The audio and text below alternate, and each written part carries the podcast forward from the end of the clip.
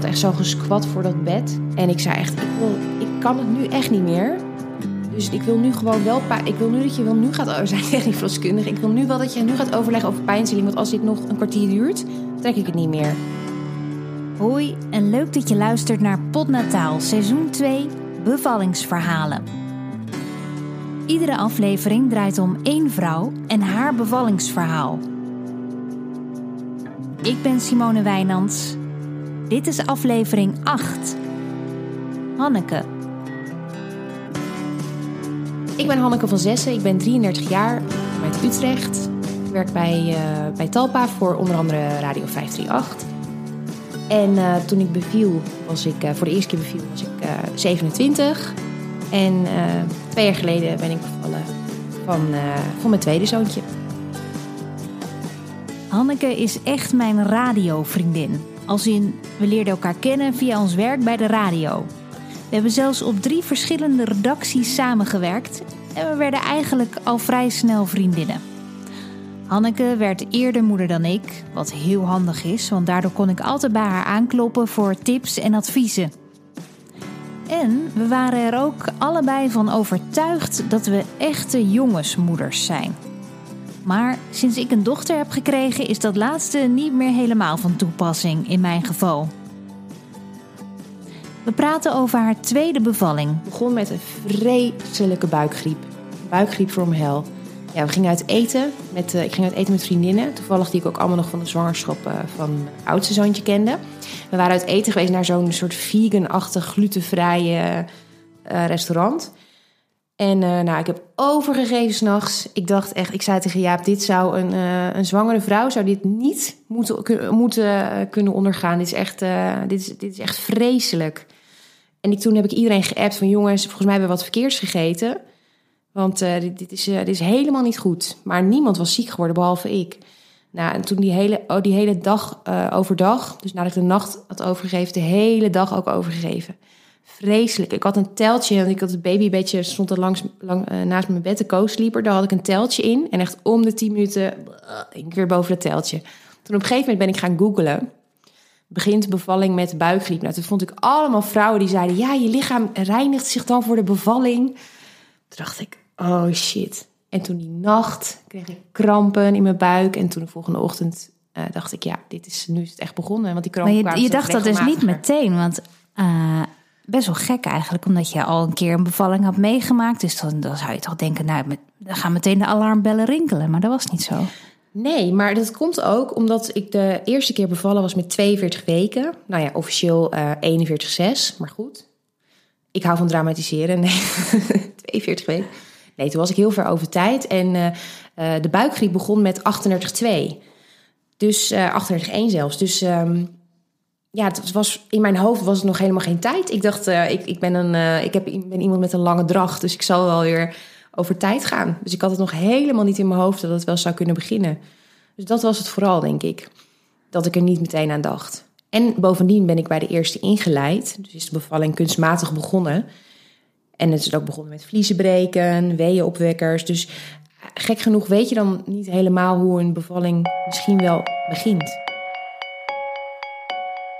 Ook al denkt Hanneke in eerste instantie heel naïef aan een buikgriepje, op een gegeven moment begint het toch te dagen. Ik dacht het vooral toen ik, toen ik die nacht, dus het was eigenlijk de tweede nacht, toen was ik inmiddels gestopt met overgeven. Maar eh, toen had ik gewoon, ja, ik had eigenlijk ook al tijdens, tijdens dat ik zo ziek was, dat, dat er een soort van rillingen over mijn buik gingen. Een soort van boven naar beneden, van die soort van harde buikenachtig. Maar ik dacht van ja, dat komt gewoon omdat ik zo, zoveel kracht aan het spugen ben, dacht ik. Ehm, maar ehm, ja, die, die, die soort van, die rillingen over mijn buik, die bleven, die bleven maar, eh, maar komen, eh, s s'nachts. En op een gegeven moment ben ik toen de, de welbekende gaan eh, downloaden en gaan timen. En toen s ochtends zei Jaap van, eh, voel je weer wat beter? Want ik ga zo naar mijn werk. Ik zei, nou, ik denk dat je niet naar je werk hoeft. Ik denk eh, dat het vandaag gaat beginnen. Zei hij, je niet? Ik zei, ja, ik denk echt, eh, ik ga de verloskundige bellen. Want volgens mij, uh, ze komen nu echt regelmatig. En je herkende het dus ook nog niet meteen als weeën. Nou, ik heb bij, uh, herken ik het als weeën? Uh, ja, uiteindelijk wel. Tegen de ochtend wel. Maar toen had ik echt wel een paar uur lang uh, die krampen gehad. Ja, best wel gek eigenlijk. Hè? Dat Ja. dan ga je, ben je als hoogzwangere vrouw sta je op het punt van bevallen eigenlijk. En dan herken je weeën niet. Ja. Ja, terwijl je het allemaal eigenlijk al een keer hebt meegemaakt. Weliswaar op een andere manier, maar dan Ja. is het toch weer... eh, Het was weer helemaal nieuw. Het was echt een volledig nieuwe ervaring ja. wat dat betreft. Hanneke belt de verloskundige en die kan er met een kwartiertje zijn. Toen kwam ze en toen eh, moest ik op, eh, op, me, op bed gaan liggen. En toen ging ze kijken hoeveel, of ik ontsluiting had. Zei ze, nou, gefeliciteerd, je gaat vandaag bevallen. Oh, Ja, dat zei ze. Gefeliciteerd, want ze wist hoe graag ik het wilde. Ook dat het natuurlijk zou beginnen. En ehm, toen zei ze, je hebt al drie centimeter ontsluiting. En eh, toen heb ik zo hard gehuild. Van opluchting. Dat het gewoon, dat ik dacht, mijn god, ik, ik ga natuurlijk bevallen. Het gaat gewoon, mijn lijf kan het gewoon uit zich, het is uit zichzelf begonnen. Het gaat gewoon gebeuren vandaag. Nou, Jaap was ook zo opgelucht. Ik was zo ontzettend blij dat het gewoon vanzelf begon. Ik had, dat was echt een grote wens van me, omdat het de vorige keer zo kunstmatig in scène was gezet allemaal. En ook vanuit een hele andere gemoedstoestand kwam veel angstiger. En ik was nu, ja, ik was natuurlijk ziek geweest. Ik voelde me lichamelijk op zich wel een beetje beroerd. Maar ehm, ik had er meteen wel zin in. Ik dacht meteen, oh, wat fantastisch. ik ga het gewoon Ja, doen. en toen was er ook nog plek in het ziekenhuis waar ik heel graag wilde bevallen. Eh daar was plek en er was ook een grote kamer vrij. Wat ook heel fijn was, omdat, we een, eh, omdat ik heel graag een bad mee wilde nemen. Dus er was een grote kamer vrij in het ziekenhuis wat ik wilde. En ik kon gewoon rustig naar het ziekenhuis rijden. Dus ja, het was eigenlijk allemaal... eh, de dag begon gewoon goed, zeg maar, voor mij. De opluchting dat de bevalling natuurlijk is begonnen, is bij Hanneke zo ongelooflijk groot, omdat ze er ten tijde van haar eerste bevalling een stuk slechter bij zat. Niet zozeer lichamelijk, maar vooral geestelijk. Het was meer de aanloop ernaartoe die gewoon heel zwaar was. Omdat ik, heel, omdat ik op allerlei manieren over mijn eigen grenzen ben gegaan toen. Ehm, en niet, totaal niet naar, ehm, ja, naar mijn instinct heb geluisterd. Naar wat ik nou eigenlijk echt wilde. Hoe ik me eigenlijk echt voelde. Ik was alle signalen aan het negeren. En eh, daardoor raakte ik ook op een gegeven moment echt, kreeg ik echt mega paniekaanvallen. ehm, vanuit het niets. Wat ik nog nooit in mijn leven zo erg gehad heb. En dat, ja, dat was echt, daar kwam ik ook niet, meer, niet echt meer uit. Dus ik ben in een hele slechte staat, zeg maar, ben ik, eh, ben ik die bevalling toen ingegaan. Slechte staat, ja, zeg je dat zo? Ja, Ja. Ehm, waar ik nu de tweede keer, eh, ja, stonden alle seinen op groen. Ik voelde me goed. Alles wat ik graag wilde en wat ik had gepland, dat kon gaan gebeuren. Dus ik dacht echt van, nou, laat maar komen. En je had ook geen angst dat het weer zo zou kunnen gaan, zoals de eerste keer. Ehm, ja, ik had wel. Ik, ik dacht wel vooral met die, omdat ik eh, die paniekaanvallen en angstaanvallen had. Ik was er wel heel vooraf heel erg mee bezig geweest. Ik had me heel goed voorbereid met mijn verloskundige, ook met de. Ik had ook speciale kraamzorg en ik had een doula eh, bij de bevalling ook. Ik heb daar ehm, daar heel goed over gehad van wat nou als als ik toch weer, eh, als ik toch weer in paniek ga raken, wat, hoe gaan we dat dan, weet je wel, wat, wat gaan we daaraan doen? En ik had echt alle hulp klaarstaan voor het geval dat het zou gebeuren. Maar ik was me ook bewust van mijn eigen mentale staat en mijn eigen kracht. Dus ik was er aan de andere kant ook weer niet echt bang voor. Maar ja, je weet het nooit onder invloed van hormonen, wat natuurlijk wat er dan allemaal op je afkomt. En hoe je je voelt. Maar eh, de hulptroepen stonden allemaal wel in, eh, in, in hoe zeg je dat? Die stonden paraat. Ja. En bij jou was het dus eigenlijk dit keer, terwijl bij, veel vrouwen misschien op het moment dat ze dan horen, oké, nu ga je bevallen, dan kan het je aanvliegen. Maar je had het misschien bijna omgekeerd, dat je dacht, oh yes, we Ja. gaan ervoor of zo. Ja, Ja. Een soort Het was het meest exciting eh, moment van, van de hele zwangerschap. Dat het, dat het, want, ook, want ik ben ook niet zo heel goed in zwanger zijn eigenlijk. Ik vind het niet per se super leuk. Natuurlijk is het bijzonder, maar ik, ik, ik keek gewoon enorm uit naar die bevalling. En dat ik dat gewoon ook nog een keer eh, mocht gaan doen. Alsof je het nog een keer over mocht doen. Ja, ik mocht, ja, precies. Ik mocht het nog een keer overdoen. En ik mocht het ook. Dus ik kreeg ook de kans om het vanuit mezelf te doen, vanuit mijn eigen lijf. Niet kunstmatig eh, opgelegd in, in golven van weeën die, die je echt ehm, toegediend worden. Waar je maar, ja, waar je uit alle macht iets mee probeert te doen. Maar ja, Niet dat, was zo, in, dat, was, dat is zo intens als je ingeleid wordt. Ik zeg ook altijd, het is, je wel, het is gewoon goed. Het is heus wel te doen, ingeleid worden. En zo, het kan ook niet anders soms. Weet je, als je kindje echt ehm, eh, gevaar loopt natuurlijk. Of, eh, of de moeder zelf kan niet meer, dan, dan is het natuurlijk eh, goed. En het is ook te doen, alleen ja, ik heb dat wel heel heftig ervaren dat het ja, dat je volledig overkomt. Terug naar de tweede bevalling. Hanneke's weeën zijn begonnen. Ze heeft 3 centimeter ontsluiting en er is ruimte in het ziekenhuis.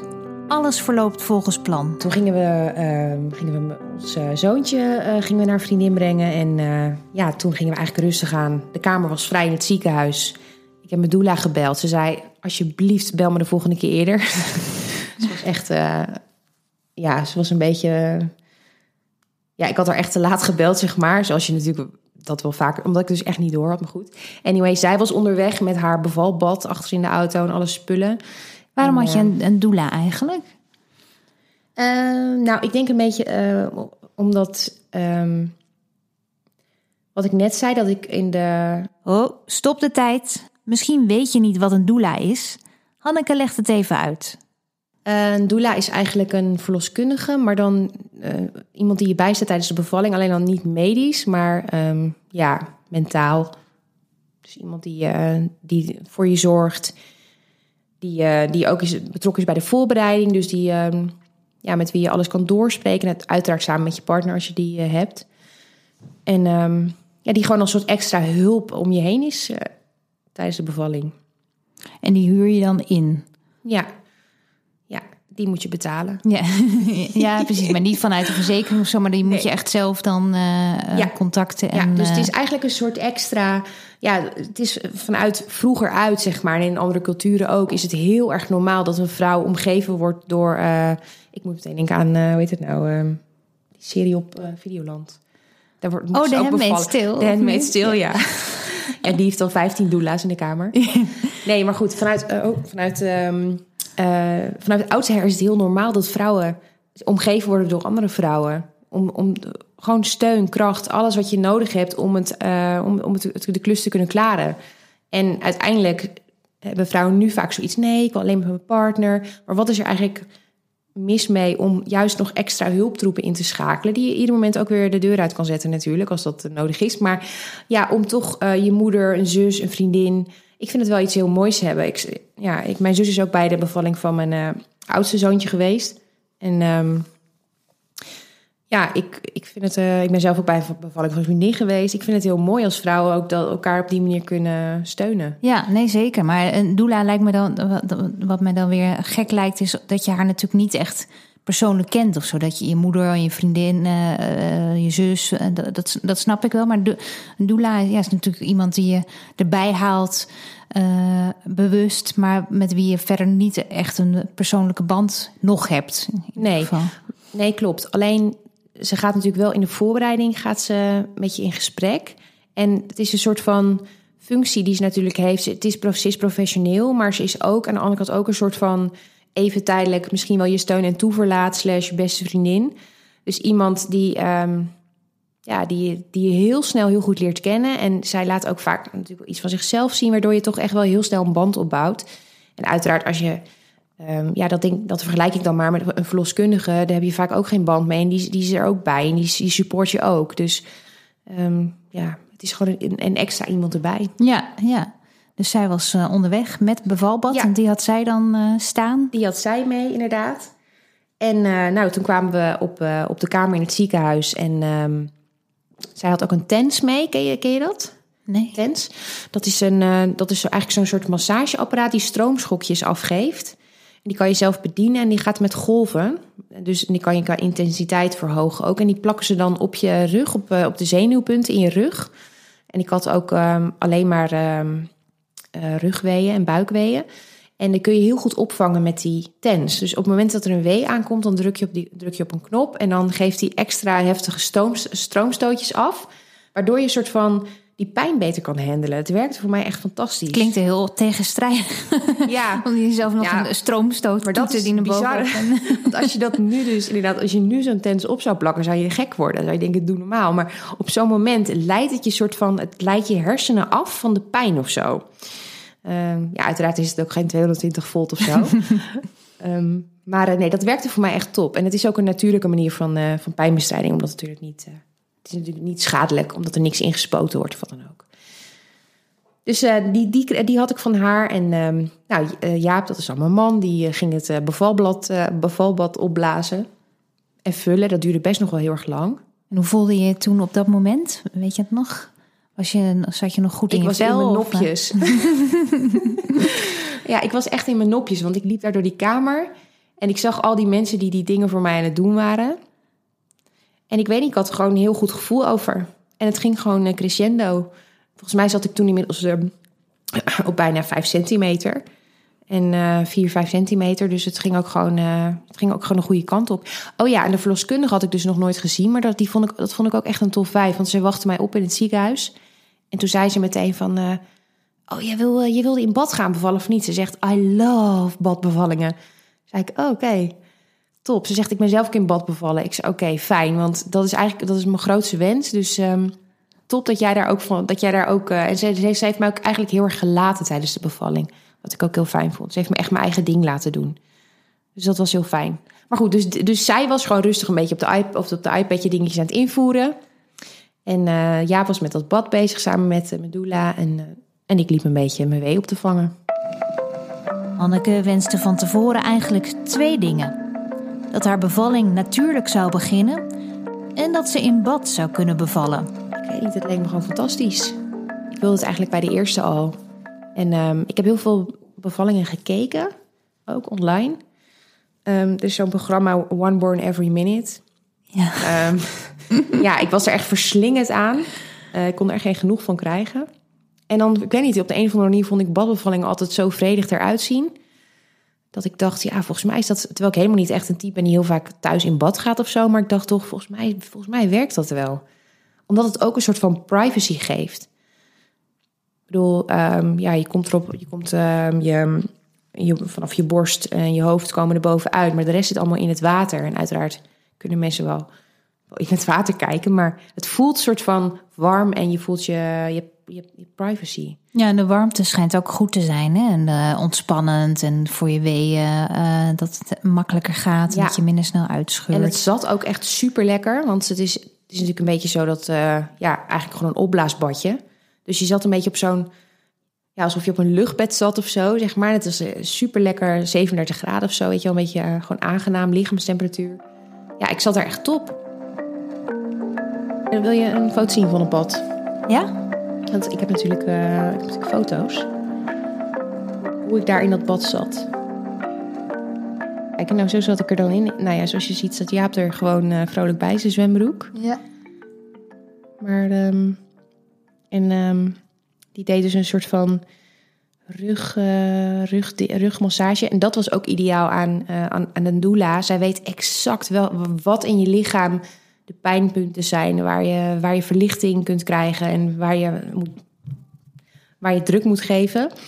Dus dat is ook echt, vind ik echt een plus. Want zij is gewoon natuurlijk een professional. Kijk, je, je, je partner die, die doet, doet misschien maar wat. Maar dit kan echt wel het verschil maken. Als je natuurlijk, ja, zij gaf een soort van zwangerschapsschim tijdens de bevalling. Eigenlijk. Ja, zij zei, echt, soort... zij, gaf echt, zij zei echt van hier moet je druk geven. En je ziet ook, dat doet hij ook heel fanatiek.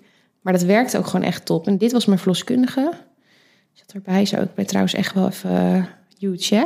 Ja, wow. Is dat, hè? Ja. Nou, hier, dit, dit, vind ik, dit is voor mij een, um, dit is voor mij wel echt een hele bijzondere foto. Want hier zie je een, uh, een zo'n lonely traan op mijn wang. En dit was ook echt een moment dat, het, uh, dat ik er helemaal in zat. Helemaal in mijn eigen, in mijn eigen kokonnetje. Supergoed die wee aan het opvangen was. En ik dacht echt zo, dit gaat, het ging gewoon echt heel goed. Maar op dat moment voelde ik ook verdriet. Omdat, om mijn vorige bevalling. Dus het was een soort van uh, verwerking of zo met, van 2,5 jaar daarvoor. Hoe dat toen was gegaan. En dat ik dat toen ook echt niet beter had gekund dan wat ik, wat ik, wat ik, wat ik op dat moment kon doen, heb ik gedaan. Maar ja. Het kwam op dat moment opeens weer naar boven. Ik kwam heel, ja, ik kwam heel erg naar boven. En dat, dat, dat liet ik ook maar gewoon zo. Maar ik vind het wel bijzonder dat, dat net deze foto gemaakt is. Dat je net die, dat je net die traan zo, uh, zo ziet. Omdat ik precies nog weet wat het, wat het voor moment was. Terwijl je helemaal in jezelf zit en Jaap kijkt echt naar jou. Zo van, wat, wat, wat doet ze? Ja. nou ja, ja, Jaap heeft het waarschijnlijk geen eens doorgehad. Want die nee. zit natuurlijk achter mij. Dus um, ja, maar goed, dit was... eigenlijk is het wel ook een soort van helend geweest. Eigenlijk mijn tweede bevalling voor mijn eerste. Omdat ik inderdaad, wat ik zei, dat ik dacht, ik, ik heb het niet beter kunnen doen als wat ik heb gedaan. Ik heb toen alles gegeven wat binnen mijn macht lag. En soms kunnen vrouwen zichzelf, en ik ook, weet je, kan je jezelf ook zo op je kop geven. Weet je, had ik maar eerder aangegeven dat het niet meer met me ging.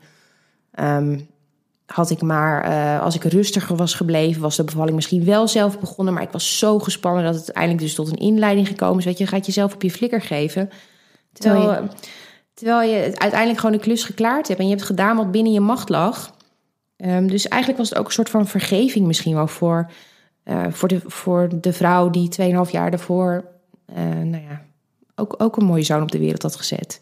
En dat realiseerde je daar eigenlijk pas ja, echt. Ja, ja. Dus dat was wel, dat was wel een, een onvergetelijk moment. En ook wel bijzonder dat je, dus, dat je dus kennelijk dus tot zoiets in staat bent. Ik bedoel ook om, om dat dan zo, zo um, om jezelf, om zo zacht naar jezelf terug te kijken. En te denken, ja, maar je kon niet anders. Je hebt gedaan wat je kon, het is goed. Ja, en bovendien, je kan het ook niet overdoen. Nee. Het is wat het is. En um, ja. Mooi. Dus dit, was, dit is mijn, uh, mijn maxima traan momentje. Ja. Ja. Voordat ik naar jou toe kwam, heb ik, had ik de foto's nog even, even gekeken. En uh, toen, toen moest, ik er ineens weer, uh, moest ik er ineens weer aan denken, aan dat, aan dat moment. Ja, maar kijk, hier bijvoorbeeld... Wacht even hoor. Oh, hier wordt het wel intenser. Dit, dit is ook een bijzondere foto. Want hier ja. zie je echt hoe ontzettend relaxed ik erbij lig. Ja. Wel ingespannen natuurlijk. Wel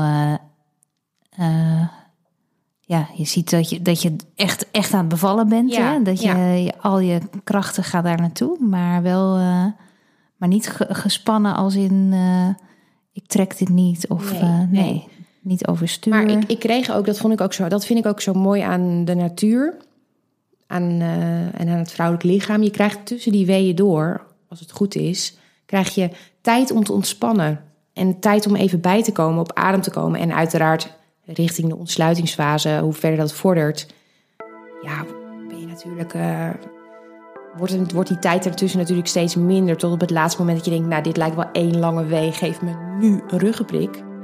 Maar, uh, maar helemaal die, die middelste fase, zeg maar. De, ja, ik kon daar tussendoor echt ontspannen. Um, en ook echt van genieten, eigenlijk, gek genoeg. Ze voelt zich rustig en in controle en ze geniet volop van haar bevalling. Na ongeveer drie uur te hebben doorgebracht in bad, moet ze er even uit van de verloskundige. Omdat ze toen zei van nou, nu, um, nu lijkt het een beetje te stagneren. Dus het is misschien goed als je heel eventjes nog gaat lopen. Dat het even weer een beetje, dat je even iets minder ontspant. Um, want het moet natuurlijk wel, moet wel gaan vorderen nu, richting het einde. En toen moest ik inderdaad uit bad. Wat meteen ook zo'n, altijd zo'n overgangsmoment is, hè, van de ene naar de andere fase.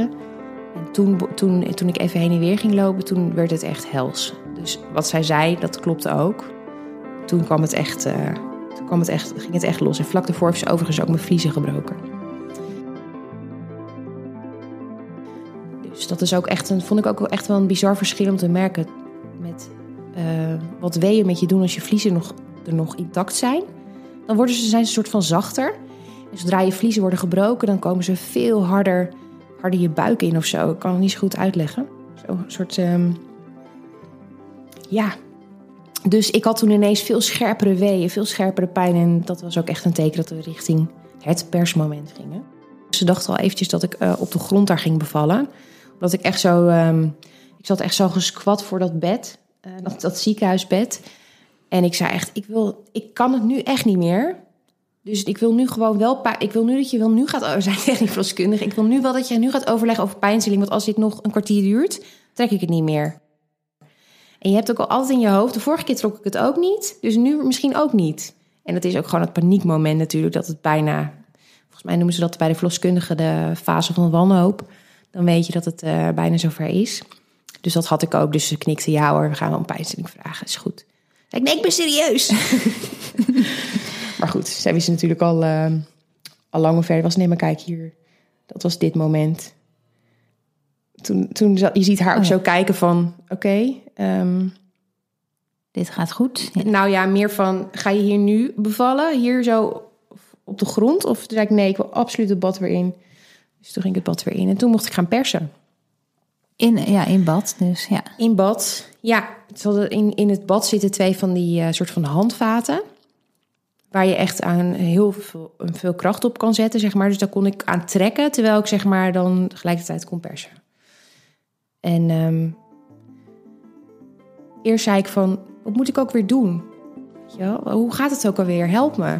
En ineens is het zo'n andere, andere mindset. Dat je, dat je een soort van, in plaats van zachtjes wegzuchten en proberen om het ja, te zorgen dat het maar voorbij gaat, moet je er juist ineens in mee. En dat is een gekke, gekke overgang.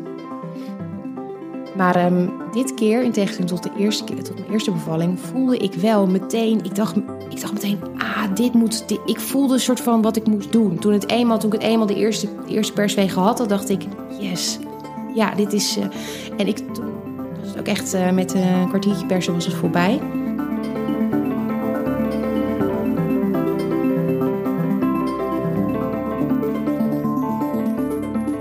Daar is haar zoontje. De verloskundige pakt hem aan. Die haalde hem ook boven water en, eh, en die gaf hem aan mij. Ja, dat was een enorme opluchting.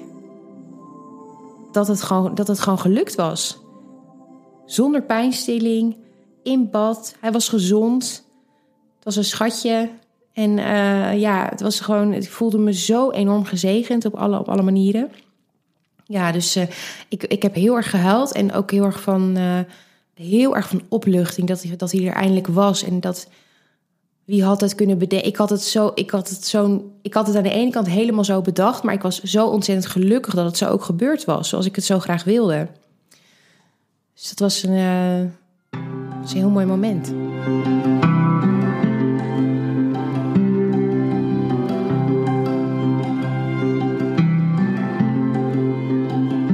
Waar ik de eerste keer ook heel erg schrok van de kleur en zo, van een beetje die grauwige huid. Eh, en dacht van, zo ziet een kind van mij er dus uit. Oh mijn god.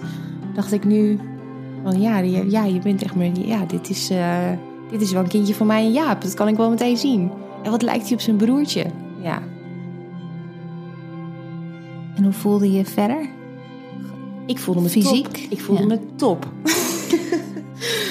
ja, hoewel, ik ben wel...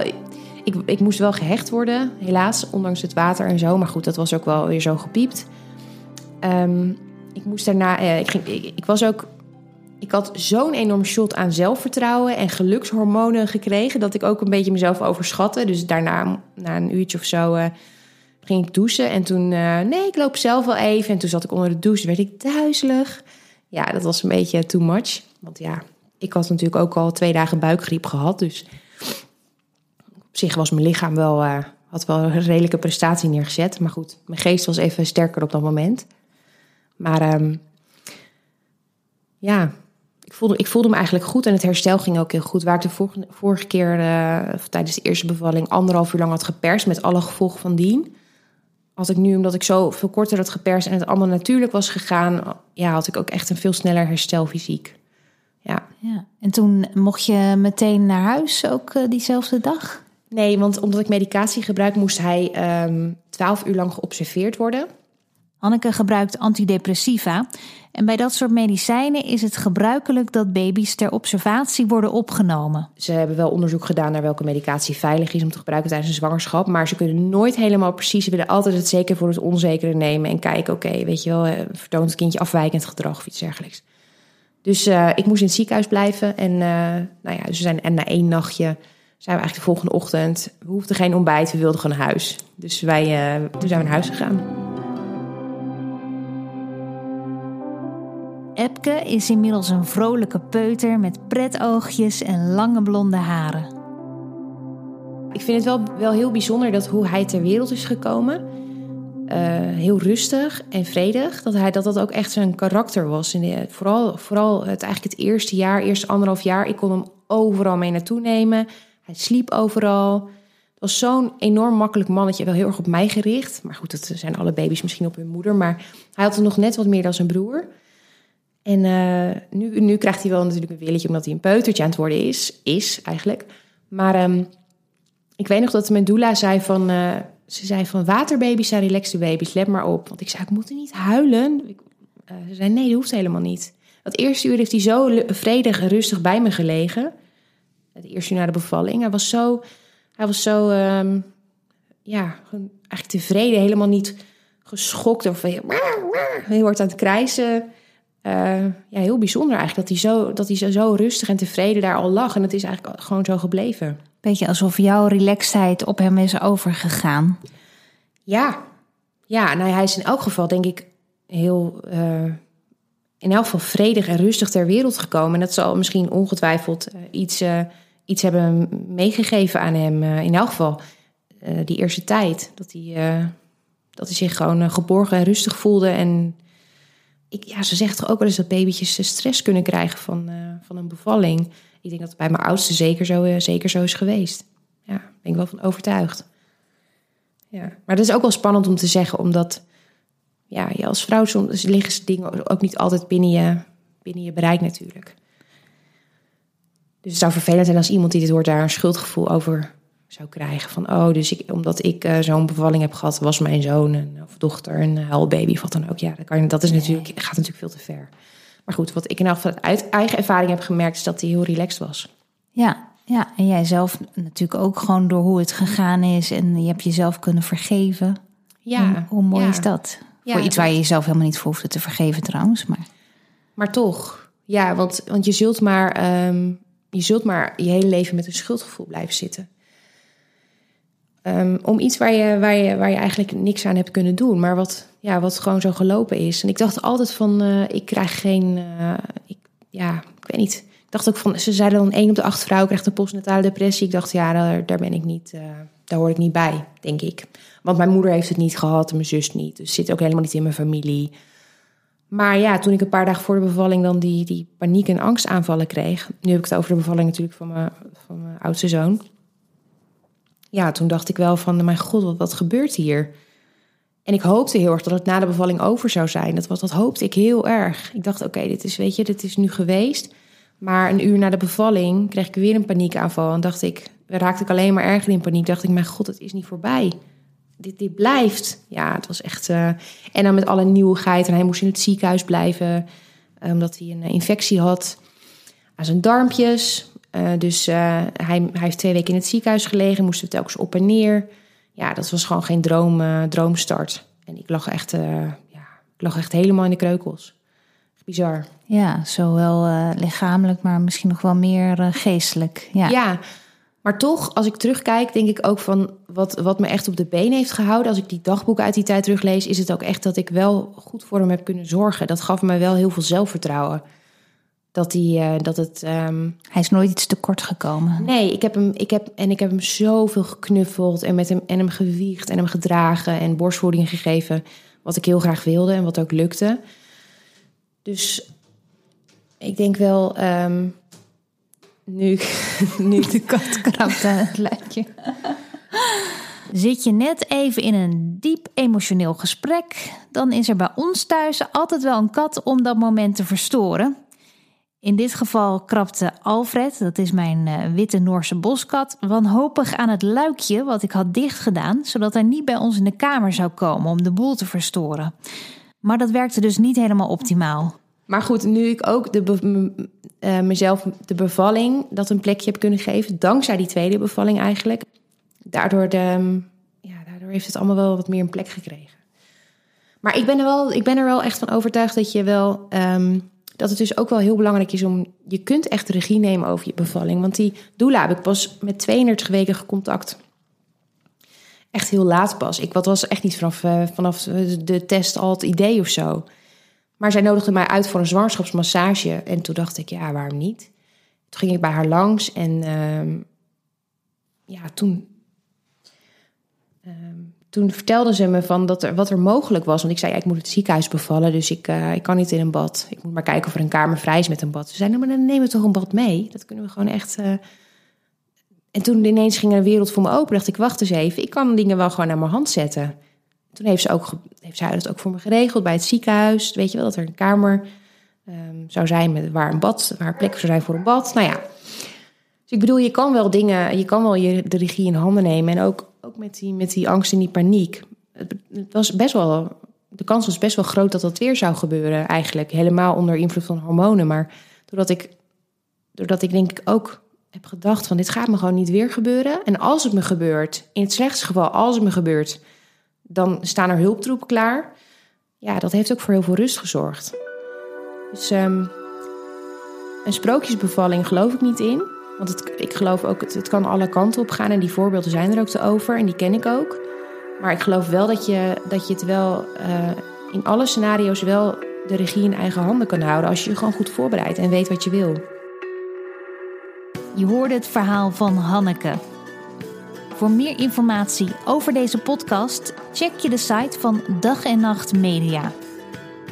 Mijn naam is Simone Wijnands en wil je meer weten over mij of heb je een vraag? Volg me dan vooral op Instagram, Simone Wijnands. En nog een klein verzoek. Heb je met plezier geluisterd naar Potnataal? Laat dan een recensie achter in iTunes, zodat nog meer mensen deze podcast weten te vinden. Heel veel dank en tot de volgende. Toen heb ik daar wel echt wel een tijdje in gezeten. Echt een paar uur. Ja, en toen werden de weeën natuurlijk steeds wat heftiger. Was je niet helemaal gerimpeld zoals Maarten van der Weijden?